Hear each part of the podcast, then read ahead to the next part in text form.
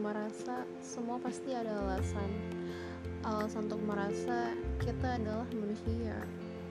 Hakikat manusia yang selalu tahu bahwa kita itu sebenarnya tidak tahu. Kapan manusia itu tahu?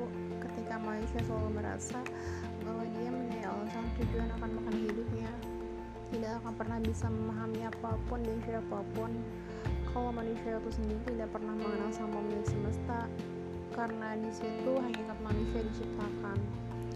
Bukannya harus saling merasa dan itu alasan hidup untuk mengetahui tentang hakikat manusia itu diciptakan. Yang tanpa kita sadari hidup bukan sekadar hanya bertahan melainkan kita mempunyai Tuhan.